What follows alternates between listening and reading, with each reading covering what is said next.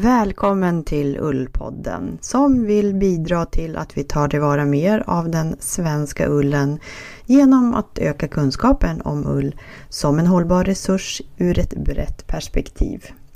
I olika avsnitt så intervjuar vi intressanta personer, bland annat inom får och ullbranschen och vi diskuterar utmaningar och möjligheter. Ullpodden drivs av Ullförmedlingen, en arena för svensk ull och vi som gör podden heter Fia Söderberg och Malin Ögland. Per Åberg är den som har skapat musiken. Varmt välkommen!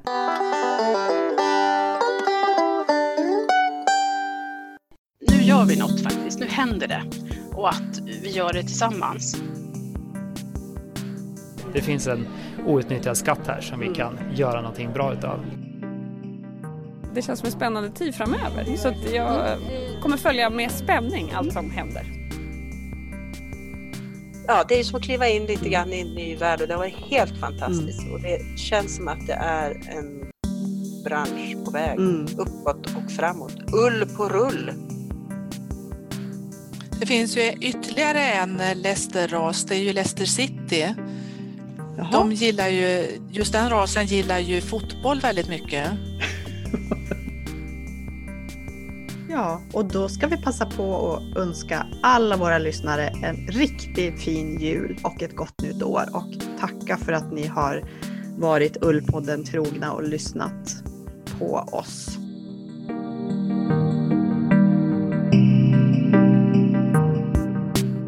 Hej och välkommen till Ullpodden nummer 13. I det här avsnittet av Ullpodden kommer vi prata ganska mycket om branschträffen Svensk ull för en hållbar framtid. Vi ska faktiskt, men eh, vi börjar direkt med månadens fåras helt enkelt.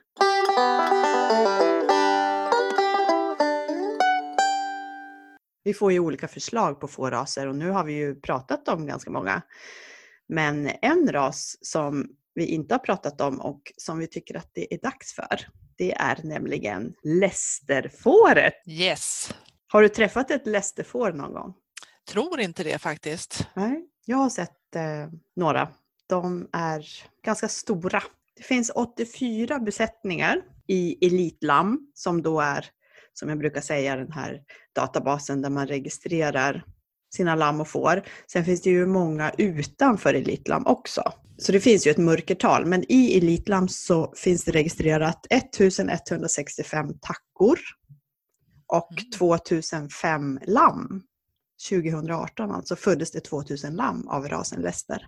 Och det här eh, svenska lästerfåret då, det är ju så här att det är en engelsk ras egentligen. Det här, det här stammar från det engelska lästerfåret, men har blivit en svensk ras som utvecklas ganska snabbt och det är ett köttfår. Eh, målet är att utveckla det till ett vitt pälsproducerande medeltungt köttfår. Och med pälsproducerande då menar man ju då att det är ett får som man använder för att få fram fina skinn, precis som Gotlandsfår. De här fåren då, de är ganska livliga, säger rasföreningen för lästerfåret, men de är lätta att hantera. Tackorna har lätt för att lamma, har goda modersegenskaper och det tycker jag att alla skriver om sina raser. Så det kanske är onödigt att säga det. Ullen ska vara medelgrov, silkig och glansig och fylliga lockar i storleken 1-2 cm. Så de har alltså ganska få krus per lock, ungefär som Gotlandsfåren kan man säga. Eh, och skinnen ska vara helt vita. Så det är väldigt noggrant när man väljer ut avelsdjur. Att har de något, några svarta strån så är de liksom inte godkända för avel. Det, den här produktionen då med det här fåret är inriktat på bra slaktkroppar och vita fina pälsskinn och samt att producera bra avelsdjur för avel. Men det är också vanligt att man använder baggar för att korsa med andra raser. Och som korsningsdjur så lämpar sig lästerfåret för, just för att förbättra slaktkroppen och ullen på de vita korsningsfåren. Och rasen finns över hela landet men är mest utbredd i Götaland och är den fjärde största i landet, säger rasföreningen. Den här ullen då, om vi tittar på den så är det ju en, en slags pälsull med samma glansiga kvalitet som gotlandsfåret. Om man pratar lite slarvigt så brukar man prata om läster som ett vitt gotlandsfår. I alla fall i, i ullkvalitet. Men det är ju som fantastiska lockar som par sig för olika hantverk till exempel. Men det blir också väldigt fina glansiga garner. Har du använt lästerull någon gång Malin? Jag har kommit, kommit i kontakt med ullen, alltså just att det är så himla glansigt och jag sitter och funderar på vad i vilket sammanhang, men jag tror att det faktiskt är just garn som jag sett och att det, att det varit väldigt vackert. Liksom det passar ju väldigt bra att spinna garner just för att man får en väldig lyster och glans. Och eh, många blandar också med annan typ av ull, kanske av finuskvalitet eller för att få in lite mer bottenull. Men man får ju väldigt, väldigt glans. En av de första garnerna jag gjorde med roslagsfåren, då blandade jag in 15 läster. och det, det. det blev ett jättefint garn. Det blev liksom ett starkt ulligt garn eftersom det var roslagsull men det blev också lite glansigare än om det bara hade varit roslagsullen. Men det är ganska stora får, de är större än gotlandsfåren. Tackorna väger ungefär 85 kilo i snitt. Eh, en fullvuxen bagge skulle, kan väga uppåt 120-130 kilo. Så de är väldigt liksom, stora. Det jag vet är att det finns flera andra besläktade raser. Eh, det finns något som heter Blue-faced Leicester som är lite blå i ansiktet. Och sen finns det Border Leicester eh, som har såna roliga öron som står rakt upp. Mm. Kanske har sett på bild någon gång. Mm. Och eh, det finns faktiskt några sådana importerade i Sverige. Sen finns det en ras som heter Leicester Longwool som har extremt lång ull. Den kan vara upp mot 40 cm, 30-40 cm. Mm. Och har jättelockiga fina lockar. Och exakt hur det svenska lästerfåret är besläktat till exempel med Lester Longwool, det, det vet jag faktiskt inte. Fleece Guide så nämner de Lincoln Longwool nämner de i den här boken, The Field Guide to Fleece. Mm. Och eh, där står det att längden på ullockarna kan vara mellan 18 och 38. Och Eh, mikroantalet ligger mellan 33 och 45 så den är ganska grov. Men den ger ju enormt mycket ull. 5 eh, till 7 kilo per klippning. Oj jösses! Ja, precis. På något sätt är de ju besläktade men det svenska lästerfåret har inte så lång ull.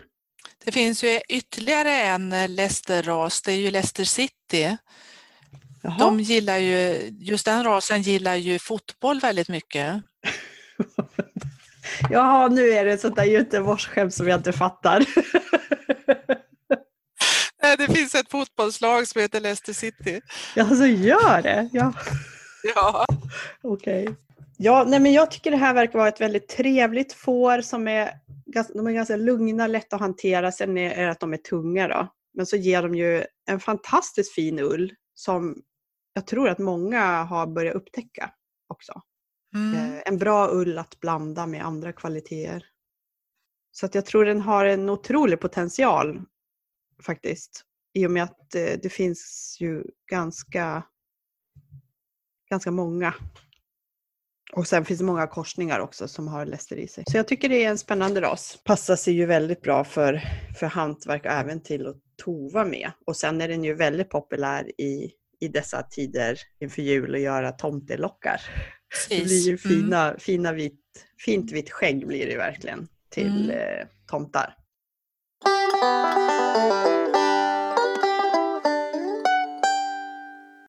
Temat för det här avsnittet är branschträffen för svensk ull som genomfördes 11 och 12 november i Uppsala. Den här branschträffen var ju då riktade sig till aktörer inom ull och fårnäringen, men också mode och autoföretag, textilindustri, forskning och fåravel. Och det var ju ett otroligt intresse inför den här konferensen och ett väldigt spännande program.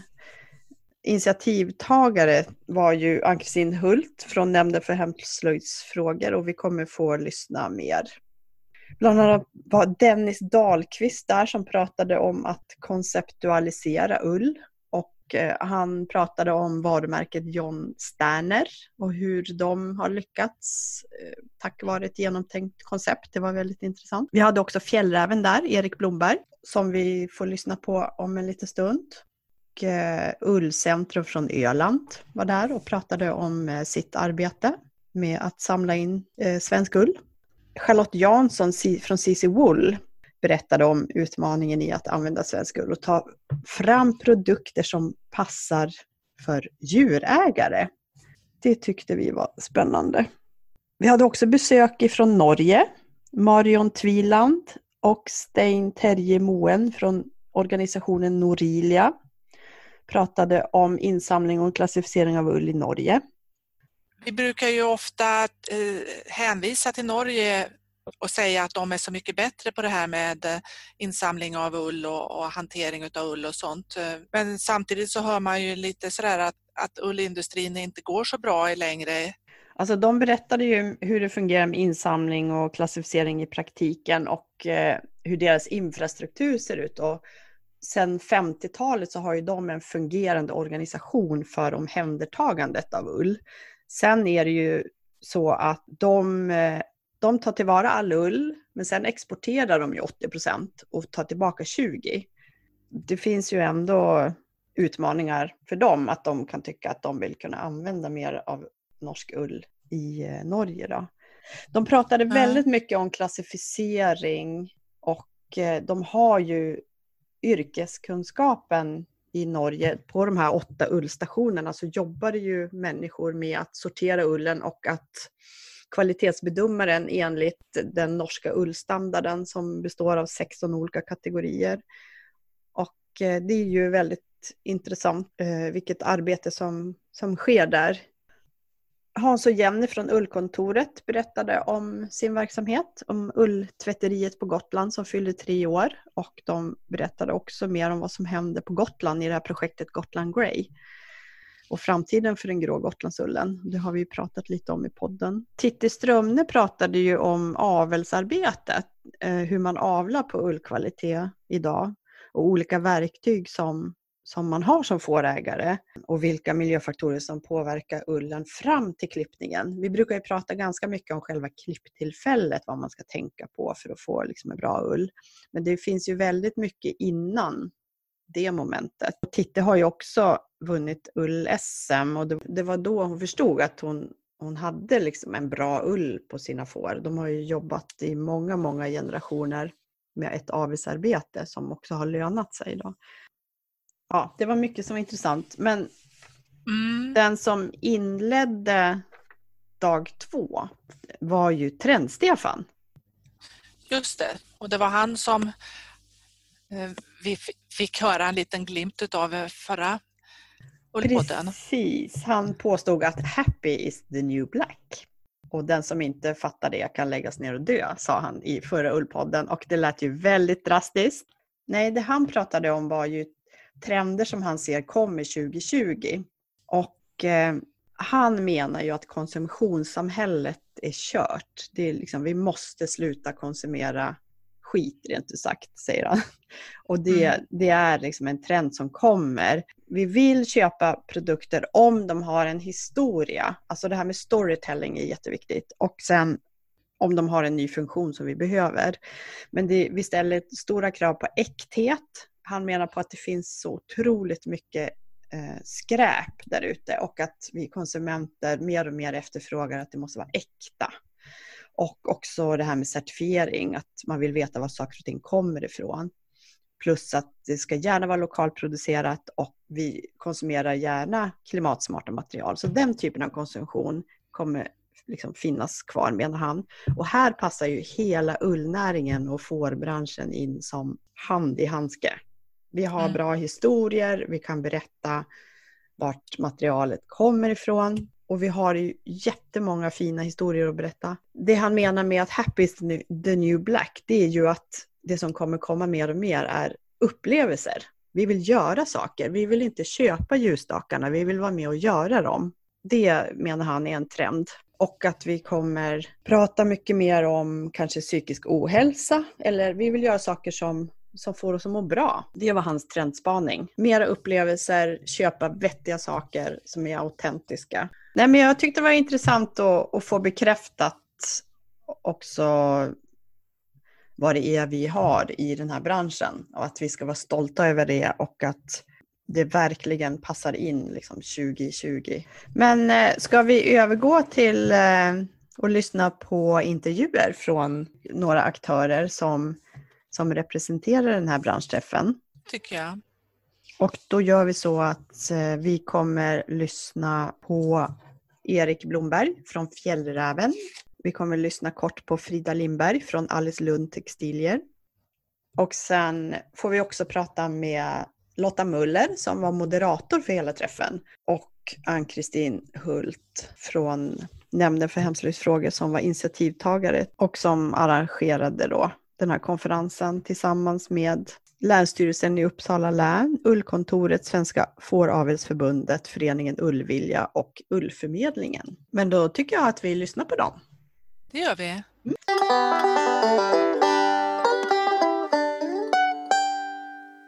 Hej, vad heter du? Jag heter Frida Lindberg från Alice Lund Textilier. Och vad har du gjort här idag på branschträffen? Jag har försökt peppa lite för vävgarner och pratat om det vi gör på Alice Lund Textilier, vilket är handvävning och textilkonst. Vad är er största utmaning tycker du i, i ert företagande? Eh, just om man tänker till ullen och det, det vi pratar om idag så är det att få till den här hela kedjan från får till färdig väv. Och det vill jag väldigt gärna få kunna lägga mig i hela kedjan. Så det vill jag väldigt Vilken process känner du är viktigast för dig att vara med och liksom i den kommunikationen? Nej men det är väl egentligen att ha tillgång till hela kunskapskedjan. Egentligen från fårägare att se till att vi får den ullen vi vill ha till då spinnerierna, kunna vara med där eh, och ha kunskapsutbyte och kunskapsutveckling och färgningen också såklart. Mm. Mm. mm. Och sen börjar vårt jobb med vävningen. Okay. att, ja.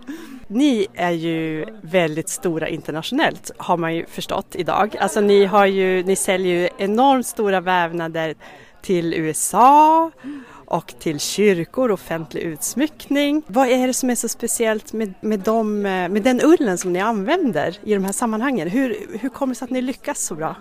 Nej men det jag tycker är roligt med det arbetssättet vi har det är att vi har just, eh, vad ska man säga, alla steg ett. Att det är väldigt, vi kan gå djupt på alla olika eh, sätt och det är att vi jobbar väldigt personligt.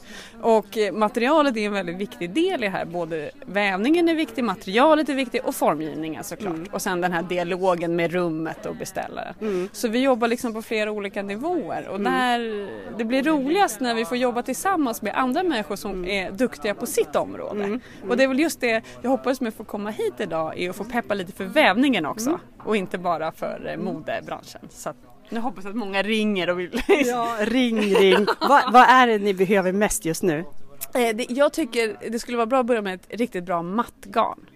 Vad behöver man för att få ett riktigt bra mattgarn? Vad eh, behövs? Ja, liksom? vi, det ska vara en ganska, liksom, gärna långa glansiga fibrer och det ska vara mycket kropp eller vad man ska säga i eh, garnet. Så inte så mycket luft i. För att i mattorna de ska vara väldigt slitstarka, de ska hålla i flera generationer och då vill man gärna att när de används så ska inte, ullen får inte tova sig på något sätt eller filtas utan liksom, fibrerna måste slitas bort så att det blir glansigare och vackrare med åren och inte att det tovas. Är det någon speciell ras?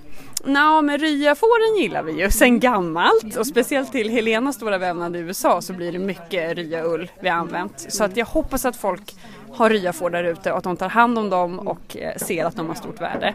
Men sen nu har det blivit mycket tror jag läster och sådana ras också. Men det här vet ju ni ullmänniskor mer än vad jag vet. Men ja. Mm. Nej, inte mer än att det känns väldigt positivt idag att det är så stort intresse här. Det var ju över 100 personer här första dagen på ullkonferensen och det känns väldigt kul. Eh, det känns som en spännande tid framöver så att jag kommer följa med spänning allt som händer. Tack snälla du, ha det så bra! Tack. Tusen tack.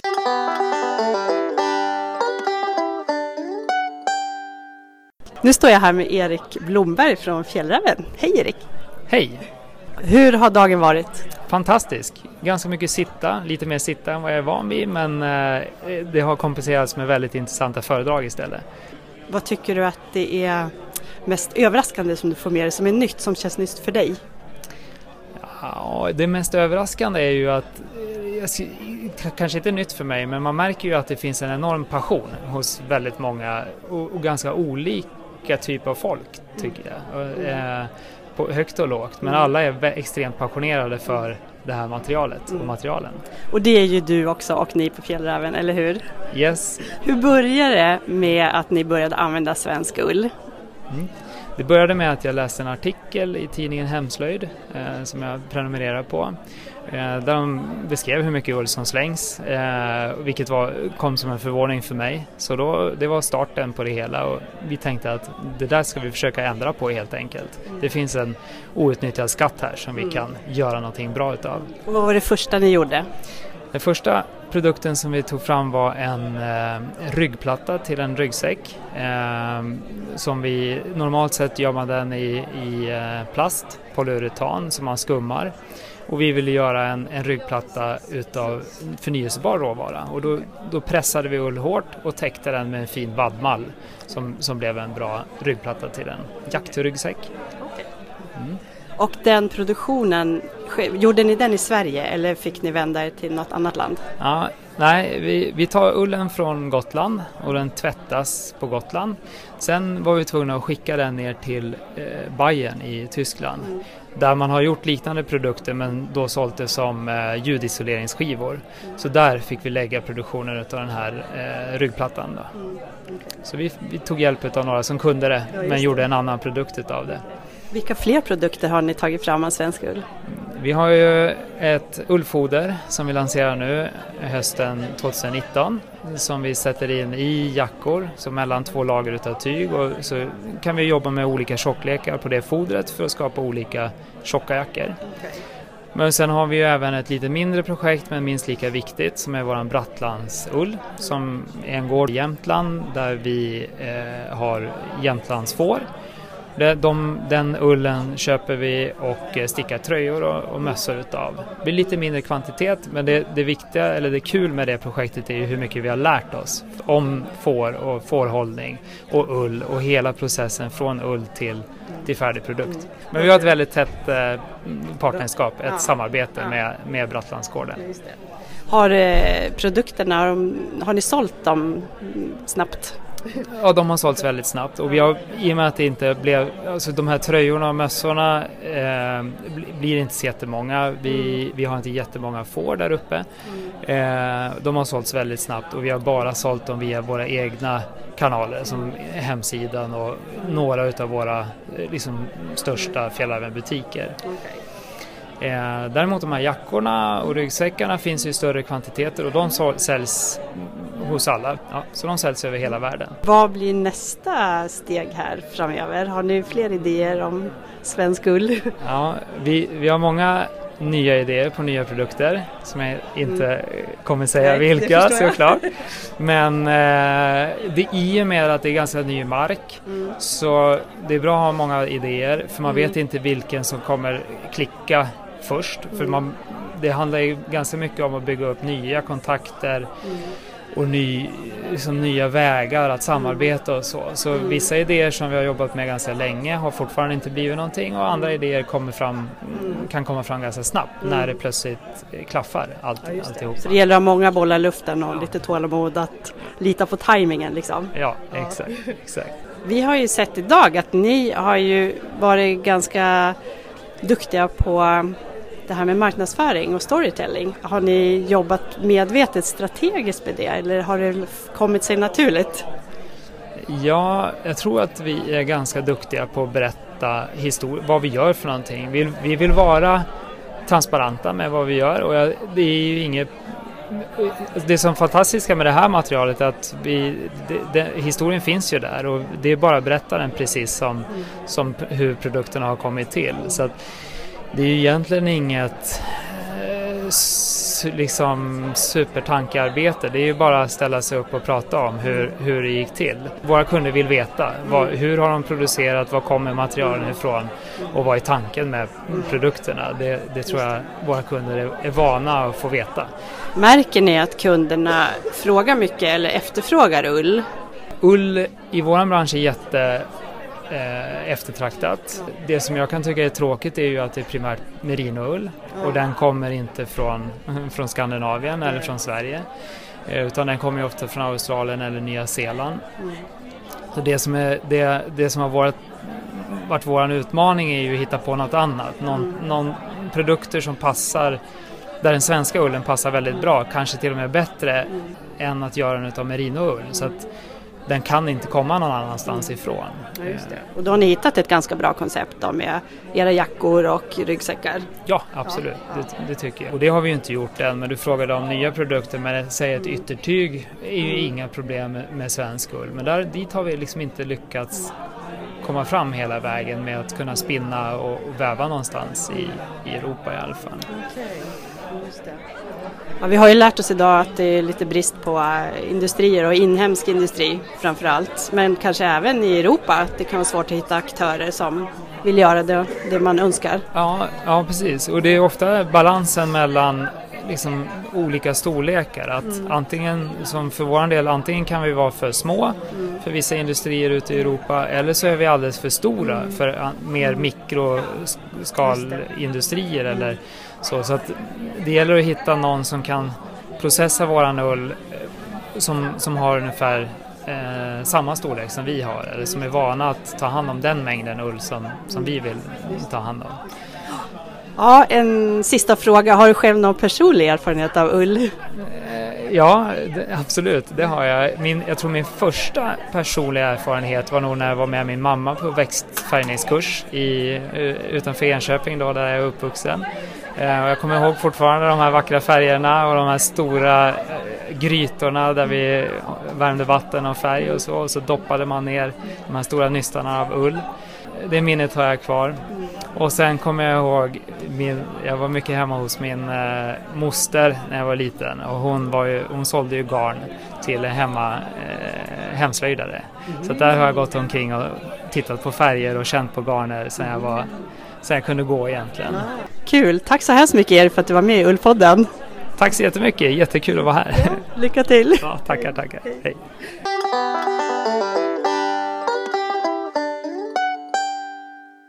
Då har vi Lotta Muller med oss här i Ullpodden. Hej Lotta Muller! Hej Fia! Hej! Vem är du ska jag börja fråga och eh, vilken relation har du till ull? Ja, alltså min relation till ull, om jag börjar med den, den är ju eh, varm och god höll jag på att säga. Eh, framförallt hittills åtminstone fritidsbetonad. Jag tycker jättemycket om att sticka, eh, tova, särskilt så här i jultider så blir det ju en del projekt så att det är ett lustfyllt förhållande till ull, men det är också ett förhållande med att jag vill mycket mer än vad det blir. Och vem jag är i övrigt så är det så att jag har min yrkesmässiga bakgrund i skogen. Så att jag är eh, från början jägmästare med kommunikationsinriktning kan man säga och har jobbat på olika håll i skogs-Sverige. Eh, mm. Och bor i Uppsala med eh, min familj. Du har ju precis varit moderator för branschträffen. Jag ska börja med att fråga vad, vad tycker du var mest överraskande eller nytt för dig? Eftersom jag var moderator så hade jag kontakt med alla föredragshållarna innan konferensen. Då överväldigades jag lite grann av eh, all den energi, all den vilja och entusiasm som fanns. Alla var jättepositiva till att medverka. Eh, och, och liksom väldigt positiva i att göra någonting bra av det här och att, att träffas och så. Och sen när vi väl var på plats på träffen, då överväldigas jag igen lite grann av alla deltagarna som är så Alltså de kommer från så många olika håll, så många olika typer av verksamheter och allt det där tillsammans är ullbranschen. Det som också var överväldigande var ju intresset för att vara med det var ju jättemycket folk som kom och det var väl ungefär en tre, fyra gånger så många som, som vi hade trott från början när vi började planera det här. Och det hade nog kunnat vara ännu fler om de hade fått plats. Så det var ju helt fantastiskt. Vad är, vad är det starkaste intrycket? Vad har du med dig därifrån mest? Om du tänker tillbaka. Ja, alltså jag har nog inte med mig en specifik, liksom den talaren eller så, utan jag tror att det jag har med mig är just bredden på talare som var, alltså det var ju då trendspanare och designkritiker som är längst där ute i den änden på något vis och så genom hela kedjan ut i fårhagen om man säger så. Då. Eh, och sen att det fanns de här stora företagen, Filippa K, Fjällräven och andra, man ska väl inte nämna någon för då glömmer man någon, men, men den typen av företag och de här mindre företagarna och organisationer som, som försöker däremellan att vara som ett kitt och sammanbindande och så. Så att det var det, det var spännvidden och att alla hade som en väldigt tydlig gemensam strävan att vi vill mm. lyfta svensk ull. Mm. Och vi ska lyfta svensk ull. Det var så härligt. Det var ett antal workshops också där man skulle diskutera olika frågor med koppling till situationen för svensk ull och vad kan vi göra för att förbättra den. Eh, var det något särskilt område där som du tyckte kändes mest angeläget om du tänker tillbaka? workshop eller inte, men det jag tänker på är ju dels det här att, att berätta den svenska ullens historia. Då menar jag inte historia så som historiskt bakåt, det har ju också ett värde, men alltså den pågående historien som ju är många historier. Och ullen som hållbart material, ullen som närproducerat och, och väldigt mm.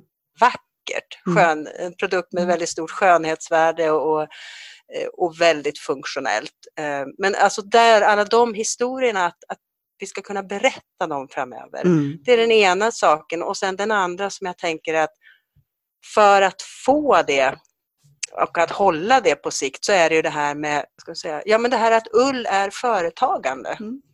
Och att det måste få vara det och att det är fint att det är det och det är en mm. väldig styrka. Men att där också finns det väldigt mycket att utveckla med ullen. Mm. Därför att det är företagandet kring ullen är väldigt splittrat, ofta mm. småskaligt och så. Och, och, det blev ju tydligt på konferensen att ska man matcha de stora aktörerna så måste man inte nödvändigtvis kanske vara storskalig själv, det kan väl finnas andra sätt att göra det där på, men, men ändå på något vis i alla fall inse liksom att stora aktörer, stora köpare, de behöver kunna jobba i stora processer på något sätt.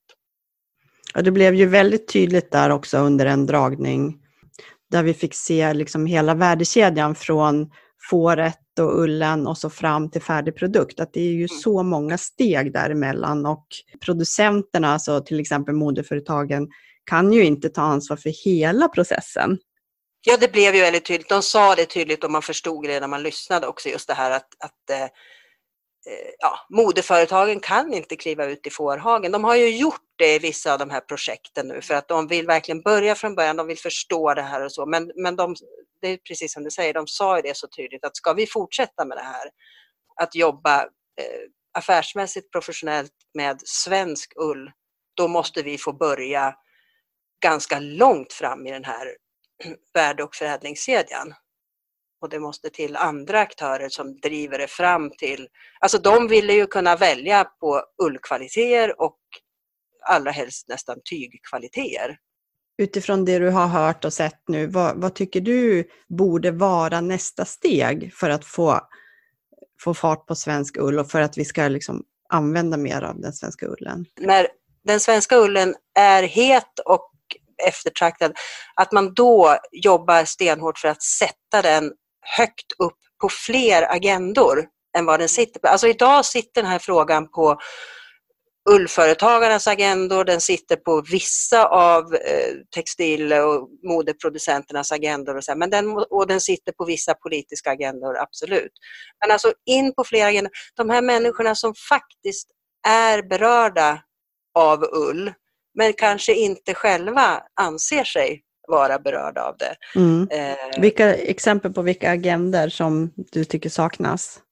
Ja, men dels så skulle det vara väldigt fint om det kom tydligare in ganska högt upp på den politiska agendan. Alltså om, om landsbygdsministern börjar prata ull och ullnäring och ullföretagande Eh, i samma anda som man har i andra satsningar. Man har satsningar på, man har nationellt skogsprogram, man har livsmedelsprogram eh, och så vidare. Och man skulle kunna tänka sig ett ullprogram och där tror jag att mycket fokus där är det som regeringen driver, det är ju sysselsättning och att skapa sysselsättning i den här näringen. Och sen så tycker jag att man ska inte vara rädd för att lyfta fram skönhetsvärdena Alltså, upp, jag kommer ju som sagt från skogssidan, där pratar vi om upplevelsevärden, ibland pratar vi om härlighetsvärden i skogen. Det är ett fint ord som vi har plockat upp från Danmark, men, men det säger ganska mycket och det är klart att det finns härlighetsvärden med ull och särskilt om man vet att den är svensk jämfört med många andra saker som vi bär på kroppen. Ja, verkligen. Om man nu pratar kläder. Eh, men så att upp på fler både höga och, eh, och lite mer lokala politiska agendor, men också ännu mer ut i medvetande hos konsumenter. För det är där kan man ju också få en stark drivkraft. Alltså det är ju underbart när det står i, i klädföretagens kataloger om stora reportage om, om svensk ull och så, som, som vanligt folk läser och tar till sig. För det vet vi att får vi konsumenttryck i det här, då kan det hända saker. Det kanske inte är så att vi bara kan bestämma oss för att vi köper bara svensk ull, för då får vi det ganska jobbigt som konsumenter. Men däremot så kan man bestämma sig för att varje gång man köper en ullprodukt så kan man fråga i affären var kommer ullen ifrån? Har ni någonting som är svensk ull? Varför, varför inte? Alltså man kan ställa frågorna få svar. Men, Nej, men man skapar medvetenhet. I det här avsnittet så ger vi en hel del boktips till våra lyssnare. Ja. Då vill vi höra, har du något boktips till Ullpoddens lyssnare inför jul? Alltså jag har ju en bok som jag själv håller på med, kanske lite långsökt men jag tycker ändå att det kan höra hemma och det är en bok som heter Interpretation, en praktisk guide. Eh, den finns på engelska på, på Bokus och Adlibris och de här. Mm. Eh, och den är skriven av en, en, man som heter Sam Ham. Mm. Och interpretation det är en metodik för natur och kulturguidning. Okay. Man kan möjligen tycka att det är lite långsökt men det, det som det handlar om det är att skapa mening för mottagaren i det som man visar eller guidar kring. Och jag tycker att det är väldigt applicerbart även på på ull och ullprodukter och ullproduktion och så. Alltså hur skapar vi en mening i berättelsen om den svenska ullen för den målgrupp som vi väljer att prata med? Det finns ju till exempel SLU också har ett centrum för naturvägledning okay. med en webbsida och jag tror att om man vill kan tänka sig att ta det steget att tänka att ja, det kanske inte är naturvägledning men det är det här att berätta mm. en historia. Mm. Att, det, att ge mening åt i det här fallet kanske en, en produkt då, som är ull. Det känns som att vi kommer tillbaka till det här med historien. Ja, ja, för mig blir det det.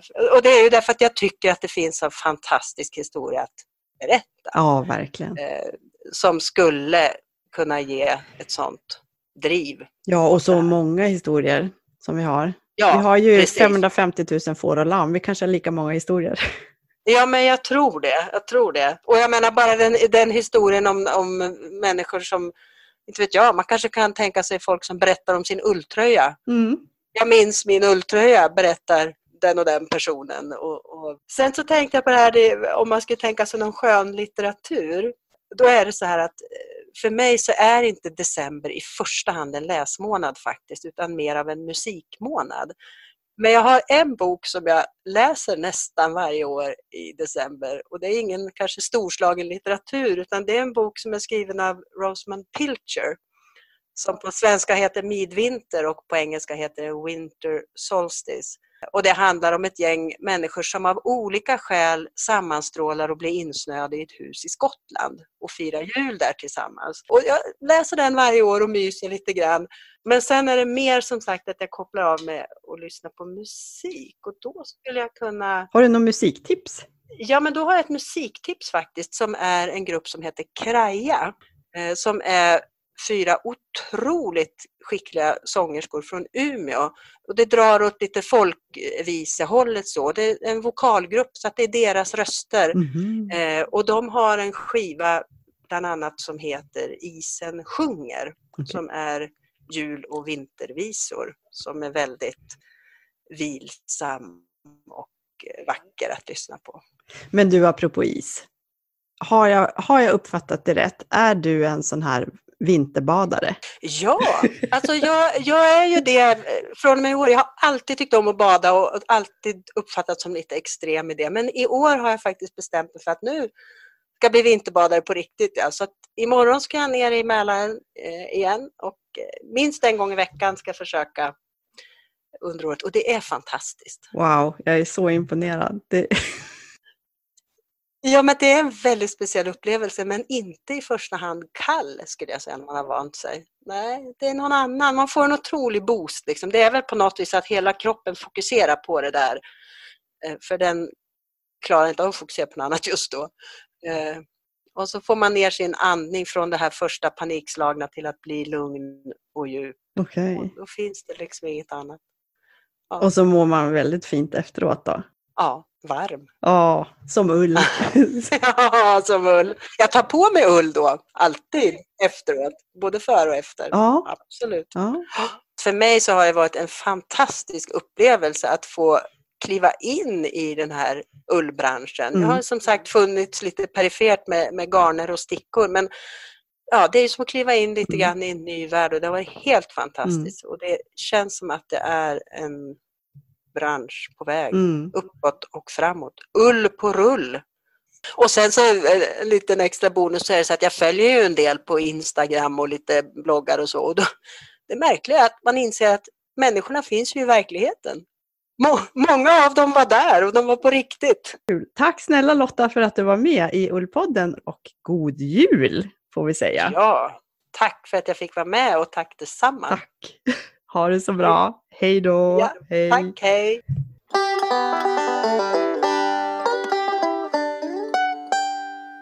Nu sitter jag här och pratar med Ann-Kristin Hult som är nationell samordnare på Nämnden för hemslöjdsfrågor. Du var den som var initiativtagare till den här branschträffen som var i Uppsala. Jo, men vi eh, hade ju för tre år sedan en eh, branschträff som jag också var inblandad i tillsammans med Nämnden för hemslöjdsfrågor.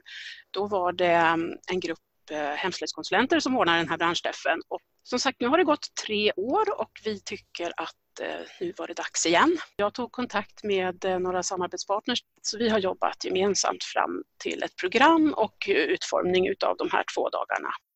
För Nämnden för hemslöjdsfrågor satsar ju nu då på det här området ull just nu och eh, då är jag den som är samordnare för det. Jag såg ju att det här behovet av en branschträff finns och eh, det var ju många frågor som hängde i luften sedan förra gången och nu ville vi då eh, samla ihop styrkorna igen och se vad som har hänt och eh, vad vi kan göra gemensamt framåt. Och vad tycker du då var det bästa från konferensen? det stora intresset. Jag hade räknat med 50, kanske 60 personer. Men eh, när anmälningslistan innehöll över 80 då, då sa vi att det här måste vi, vi kan inte säga nej. Kunde totalt ta emot eh, lite drygt 120 personer och det var ändå de som inte fick plats den här gången som vi hoppas kunna komma med nästa gång. Det som var också bra det är ju den här positiva stämningen som, och känslan av att nu gör vi något faktiskt, nu händer det och att vi gör det tillsammans. Det var också glädjande att se vilka som deltog. Det var så många, till exempel. Vi vände oss ju i första hand till företag som vill eller redan nu använder svensk ull i sina produkter för att utveckla det lite mer storskaliga. Och eh, det var ju väldigt intressant att se vilka stora och små naturligtvis företag som anmälde sig. Ja, kan du ge något exempel på det? Eller?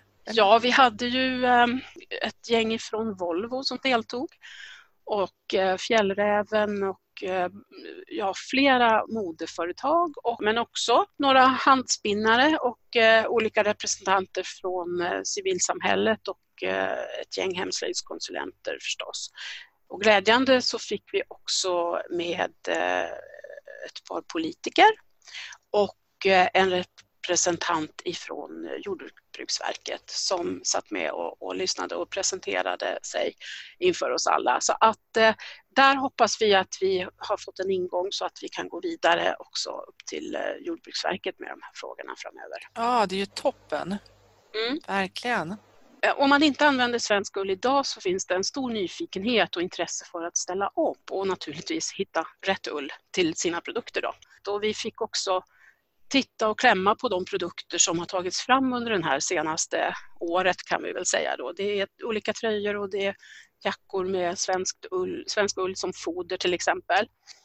Det är också det här med att mötas på det här sättet, att inte bara sitta och eh, lyssna och ta in utan också få själv bidra med idéer och tankar i workshopform som vi hade. Vad händer nu då?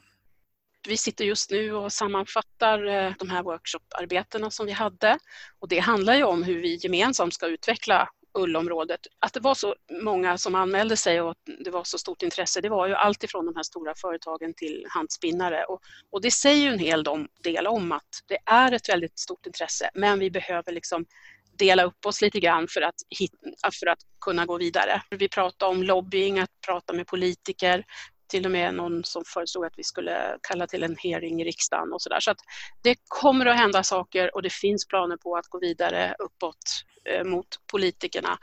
Men också att eh, formera oss på olika sätt för att gemensamt gå vidare. Det finns ingen som kan göra det här själv utan det här måste hända tillsammans med andra helt enkelt för att få styrka och eh, trovärdighet. Nu har ju du erfarenhet av att driva den här, den här frågan då på regional nivå. Ja, du har det ju dessutom från lokal nivå, eller hur? Affärsinnehavare i Norrtälje för länge sedan. Ja, just det. Det var några år sedan. Ja, precis. Det var innan jag började jobba som konsulent i Uppsala. Hur ser du på de olika rollerna och ditt handlingsutrymme eller hur man ska uttrycka det?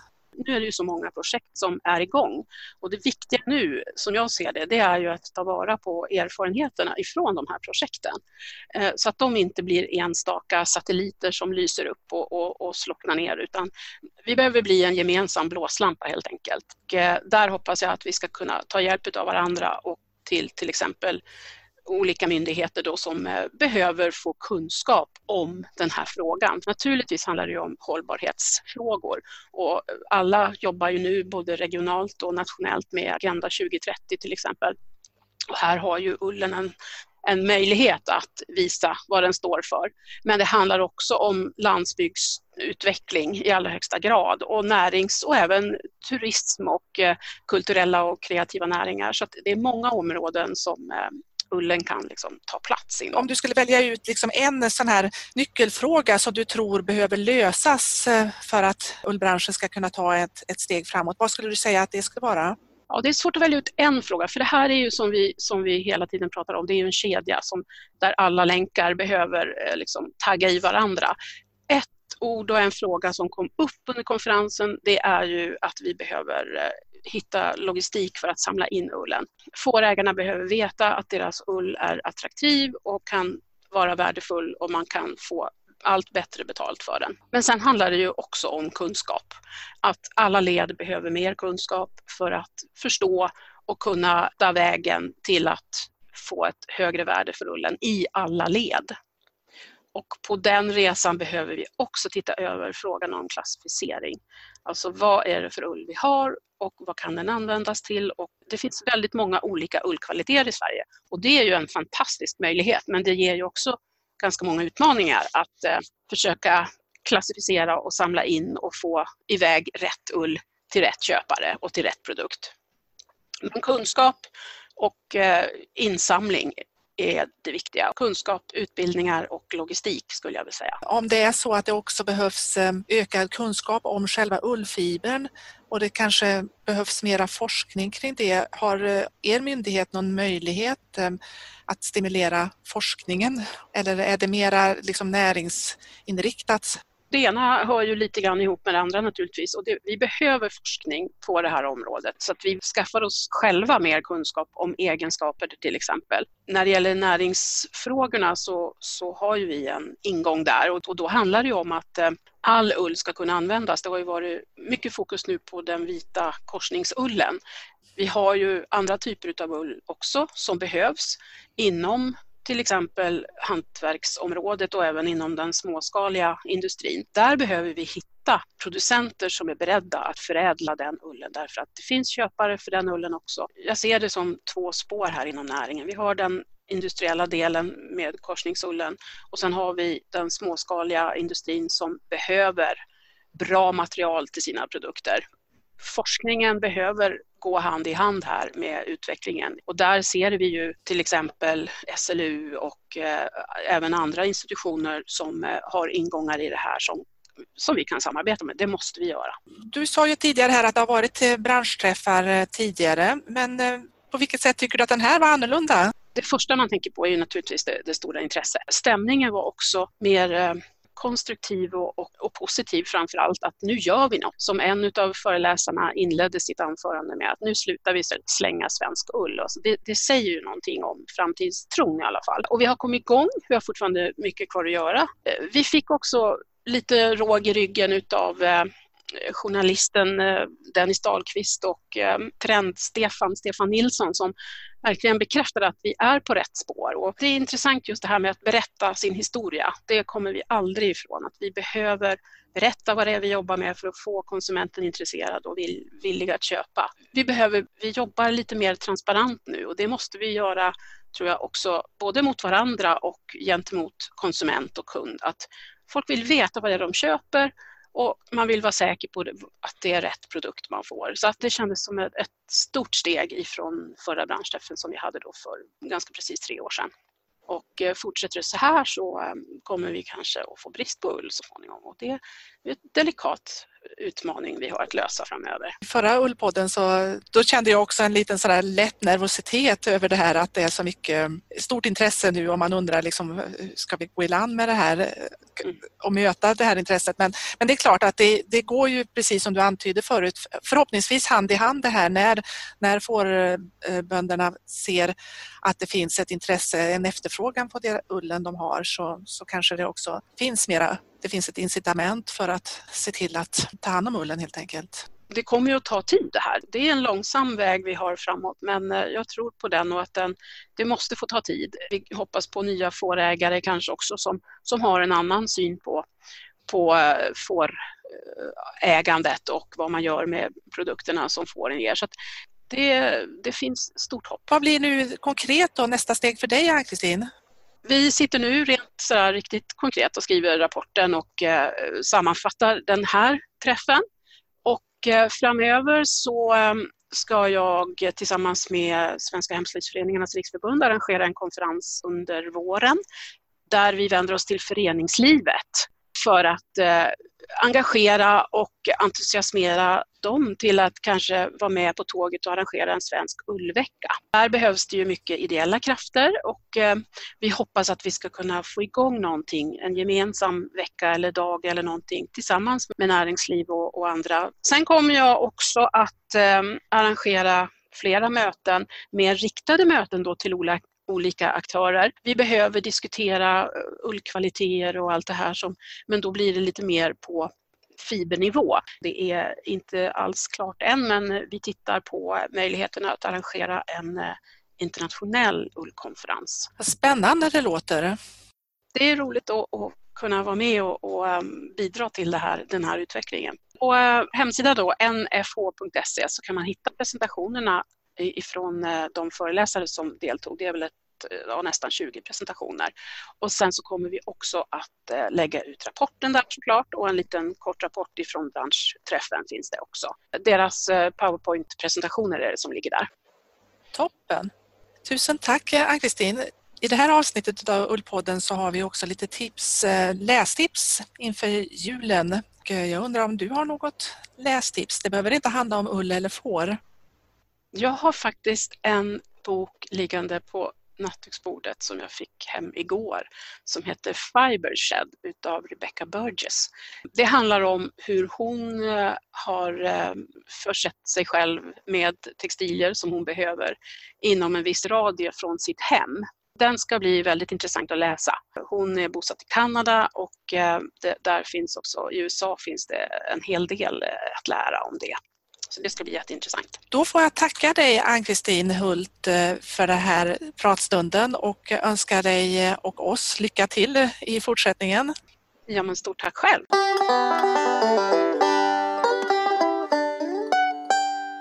Vi gillar ju böcker, vi gillar ju kunskap och det är ju så att vi vill gärna tipsa om några böcker som vi själva gillar. Och vi vill ju också tipsa om att om det är så att ni inte har hunnit köpa julklappar så kan ni handla via våra annonsörer så får Ullförmedlingen och Ullpodden provision på ditt köp. Men du betalar samma kostnad oavsett om du handlar direkt ifrån de olika aktörernas webbshoppar. Och när det gäller böcker då så har vi länkar till Bokus och till Adlibris. Och då gäller det ju alla typer av böcker. Så, eh, nu kommer vi ju att tipsa om lite blandat, så det är ju inte bara så att det, det ska handla om ull. Precis, det behöver inte handla om ull. Det kan handla om annat också. Jag har, faktiskt väntat på att få tipsa om en bok som här i Ullpodden, som är en bok som jag tycker är helt osannolik. Det är nämligen en fårdeckare. En, en deckare som behandlar om eh, Eh, får och eh, där det är fåren själva så att säga som berättar eh, historien. Så det, den är ur, ur fårens perspektiv och den heter Glenn Kill en fårdeckare och den är skriven av Leonie Swan. Och Glenn Kill då, det är alltså det är en fåraherde. Han heter George Glenn. En morgon så hittar får eh, jorden sin eh, fåraherde då liggandes livlös med en spade i bröstet. Ehm, och ehm, eh, de är ju bestörta och helt frågande. Men ehm, ledartackan där då i, i jorden, hon heter Miss Maple. Hon är inte helt liksom ehm, eh, eh, tappad bakom en vagn kan man säga eh, och hon är också ganska insatt i, i kriminologi och sådana frågor därför att det har visat sig att den här, ehm, deras fåraherde, han har, ehm, han har läst högt för fåren tidigare så att de är, de är ovan, en ovanligt insatt och kunnig fårjord helt enkelt. Åh, oh, vad roligt!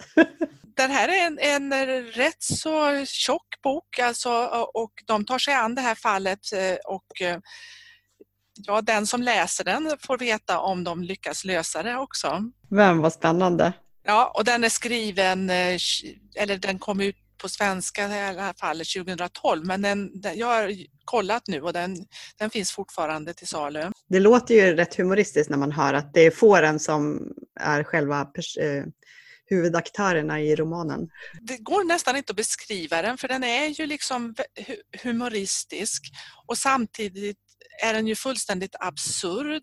Ja. Eh, och sen är den också rätt otäck. Ja, aha. Ja, vad kul. Tack för ja. tipset. Då eh, är det ju så att jag har ju läst en hel del deckare eh, genom åren och är väldigt förtjust i deckare. Men den här fårdeckaren den är den enda i sitt slag. Många som är intresserade av eh, ull eh, och deckare kanske också är intresserade utav eh, vissa miljöer. För min del då så jag, dras jag jättemycket till, till olika deckare som utspelar sig på Island eller på, i Skottland eller Shetland.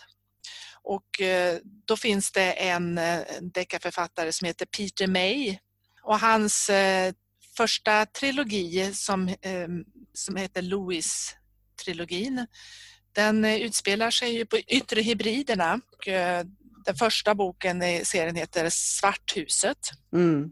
Och i den här trilogin så är det ju en, en, en hel del, det är ju miljöskildringar från från Louis, ön mm. Louis då, mm. Eh, och, och, angränsande öar ska jag säga också. Mm. Och, eh, det är ju en hel del också beskrivningar utav hur man tar fram det här Harris Tweed till exempel. Just det. De böckerna kan jag absolut rekommendera. Sen så tycker jag de som kommer sen senare, nu har jag gett upp mm. honom för jag tycker mm. de är inget bra sen. Jag tyckte den första var superbra. Sen tyckte jag den tappade lite. Mm. Ja, vilka bra boktips. Ska vi ta lite faktaböcker? Gör det. Jag gillar ju får jättemycket. och har ju ganska många fårböcker. Så jag vill tipsa om några av de eh, givna fårböckerna om man vill lära sig mer om fårhållning ur alla möjliga aspekter. Men även om ull förstås. För i de här fårböckerna så brukar det oftast vara ett avsnitt som handlar om ull. Och eh, Bibeln då som vi fårägare oftast har är boken som heter Får, som är skriven av Erik Sjödin med flera. Den har kommit ut flera gånger. Den senaste är tryckt 2007 och en eh, fantastisk innehållsrik faktabok om avel och foder och olika produktionsformer, massor om sjukdomar. När man drabbas så vill man ju veta allt. Om man läser den här eh, inför att man ska skaffa får till exempel så kanske man blir lite rädd för, för alla sjukdomar. Men, och sen handlar det mycket om lamning också. De sidorna är eh, alldeles skrynkliga av användning. man kommer liksom tillbaka till den här boken. Det handlar också om byggnader och om ull och ullkvalitet. Ett kapitel där Alan Waller har skrivit, som är ju en viktig person i Ull-Sverige. Så den rekommenderar jag verkligen om man har får eller vill skaffa får. En annan bok som är skriven, jag kan ju visa, visa dig Malin i alla fall. Mm. Har du mm. sett den här? Nej. Den är en trevlig bok eh, som är lite tunnare än eh, Bibeln av Erik Sjödin. Eh, den heter Fårboken, är skriven av Nina Östman och Anders Jansson. Och det är en ganska personlig bok med fina bilder och eh, korta texter om olika aspekter av fårhållning. Och också ett kapitel i den här boken som handlar om ull och eh, fårklippning. Och Nina Östman är ju konstnär och fårfarmare och har eh, allmogefår i Hälsingland. Ja, det är en trevlig, trevlig, lättsam bok att läsa men som också innehåller väldigt mycket fakta. Jag tänkte ta ett exempel på en engelsk fårbok som heter Eh, Stories Guide to Racing Sheep. Uh, Paula Simmons och Carol Ekarius. Och det är samma här i, i den här boken att det finns ett kapitel som handlar om ull och klippning och produkter och marknadsföring. Det är också väldigt inspirerande tycker jag att läsa böcker på engelska. Och det finns ganska många, många fårböcker och ullböcker förstås eh, att köpa på engelska. Det finns ju mycket information, eh, man googlar ju mycket efter kunskap och information när det gäller fakta om får och fårhållning. Jag tycker ändå att det är härligt att ha de här böckerna när man sitter i fåtöljen och eh, vill läsa på om något. Eller om man vill veta någonting snabbt. Hur, hur var det nu med, med lamningen? Hur lång tid skulle lammet komma efter blåsan? Alltså, så det, det är väldigt tryggt och bra att ha de här böckerna i bokhyllan tycker jag. Jag har också några lästips i största allmänhet som inte är så väldigt ull eller fårrelaterat men jag tänkte att jag ändå skulle nämna dem. Vi har ju mm. ganska nyligen nu haft eh, Augustprisutdelningen i Sverige då när det är romaner, det är fackböcker och det är barn och ungdomsböcker mm. i olika klasser. Och ehm, i år har jag hunnit med att läsa flera av de nominerade romanerna och den som vann, det var min etta också. Ah. Och den heter Osebol och är skriven av Marit Kapla. Och det är en, en, en, serie intervjuer kan man säga med människor som bor i byn Osebol i Värmland, norra Värmland. Och där finns det, om man nu ska klämma in ett litet fårtema där. Det finns några som har, har får också. Men det, det korta berättelser där, där eh, personerna själva berättar om eh, ja, eh, hur det är att bo där helt enkelt. Ja, en fantastisk bok. Jag kan varmt rekommendera den. Vad bra. Jag har egentligen inga nya romaner att tipsa om. Jag läser inte jättemycket nu för tiden, alltså skönlitteratur. Men apropå miljöer och landskap där det finns mycket får. Så en av mina favoriter för länge sedan eh, är ju Herbjörg Wassmo, böckerna om Dina. Mm. Har du mm. läst dem? Ja, det har jag. De var ju helt underbara. Man var ju liksom i, i de här berättelserna och ville ju inte kliva ur. Och det handlar ju om Dina Grönälv och handlingen utspelar sig i Nordnorge i slutet på 1800-talet. En annan roman som det inte var så länge sedan jag läste, det är Lena Ackebo. Hon är ju från början serietecknare, har gjort eh, serier i många decennier. Men nu har hon ju skrivit ett par eh, romaner också. Har du läst den här? Världens vackraste man Nej, av Lena Ackebo. Och sen finns det också en till bok om samma berättelse. Och det handlar om två systrar. Där den ena bjuder den andra till en charterresa till Mallorca för att de ska lära känna varandra bättre. Och det blir en väldigt omtumlande vecka. Och eh, jag vet inte om jag ska avslöja för mycket, men det dyker upp en, en vacker man där på Mallorca som rör om livet för dem båda. Men det, hon skriver liksom väldigt, eh, som jag gillar, ganska realistiskt och eh, gripande, att man snabbt kommer in liksom i tonen och i handlingen. Men mycket bra historia om förändring av livet i, eh, i den senare delen av livet, skulle man kunna säga. Det är ju en klassiker till som vi måste repetera. Den här, det här är ju världens mest underbaraste bok om man vill intresserad av ett historiskt perspektiv på ull, den svenska fårskötselns äldre historia, några kapitel ur Ull och Ylle av Sven T. Kjellberg. Är man minsta nyfiken om hur om ullens situation i Sverige har varit de senaste, ja sen Gustav Vasas tid kan man säga. Han var ju den första ullentreprenören skulle jag vilja påstå. Då ska man läsa den här, den här eh, sammanfattningen av en, tjock, av en tjock avhandling. Det här är en kort, eh, mer populär vetenskaplig bok utgiven av Kungliga Skogs och Lantbruksakademin. Den har jag alltid på nattduksbordet. Ja, sen, sen vill jag bara eh, tipsa om avslutningsvis, nämligen att eh, en jättefin julklapp det är ju att ge bort en tidskriftsprenumeration. Och varför inte då i så fall välja eh, en prenumeration på tidningen Hemslöjd? Ja, det är finemang. Ja, För vi vet ju också att februarinumret kommer vara temanummer ull. precis. Och då får man ju det direkt i brevlådan. Mm. Mm. Den är ju så väldigt snygg också. Den är Ja. ju underbart eh, fin Verkligen. läs och bra artiklar att läsa. Ja, Mycket bra. det är en av de få tidskrifterna som jag läser liksom från, från perm till perm. Och Ja. Varje annons och allting. ja. Men ska vi avrunda då? Ja, det tycker jag vi gör. Ja, och då ska vi passa på att önska alla våra lyssnare en riktigt fin jul och ett gott nytt år och tacka för att ni har varit Ullpodden trogna och lyssnat på oss. Och vi ses ju nästa år igen. 2020 fortsätter ju Ullpodden. Eller hur Malin? Ja, det gör vi. Jajamän. Ha det så bra allihopa. Ha det gött. Hej! Hej då! Hej då! Avsnitten hittar du på www.ullformedlingen.se och du kan också följa vår Facebook-sida Ullpodden där vi publicerar länkar och bilder som anknyter till det som vi har pratat om. Hej då!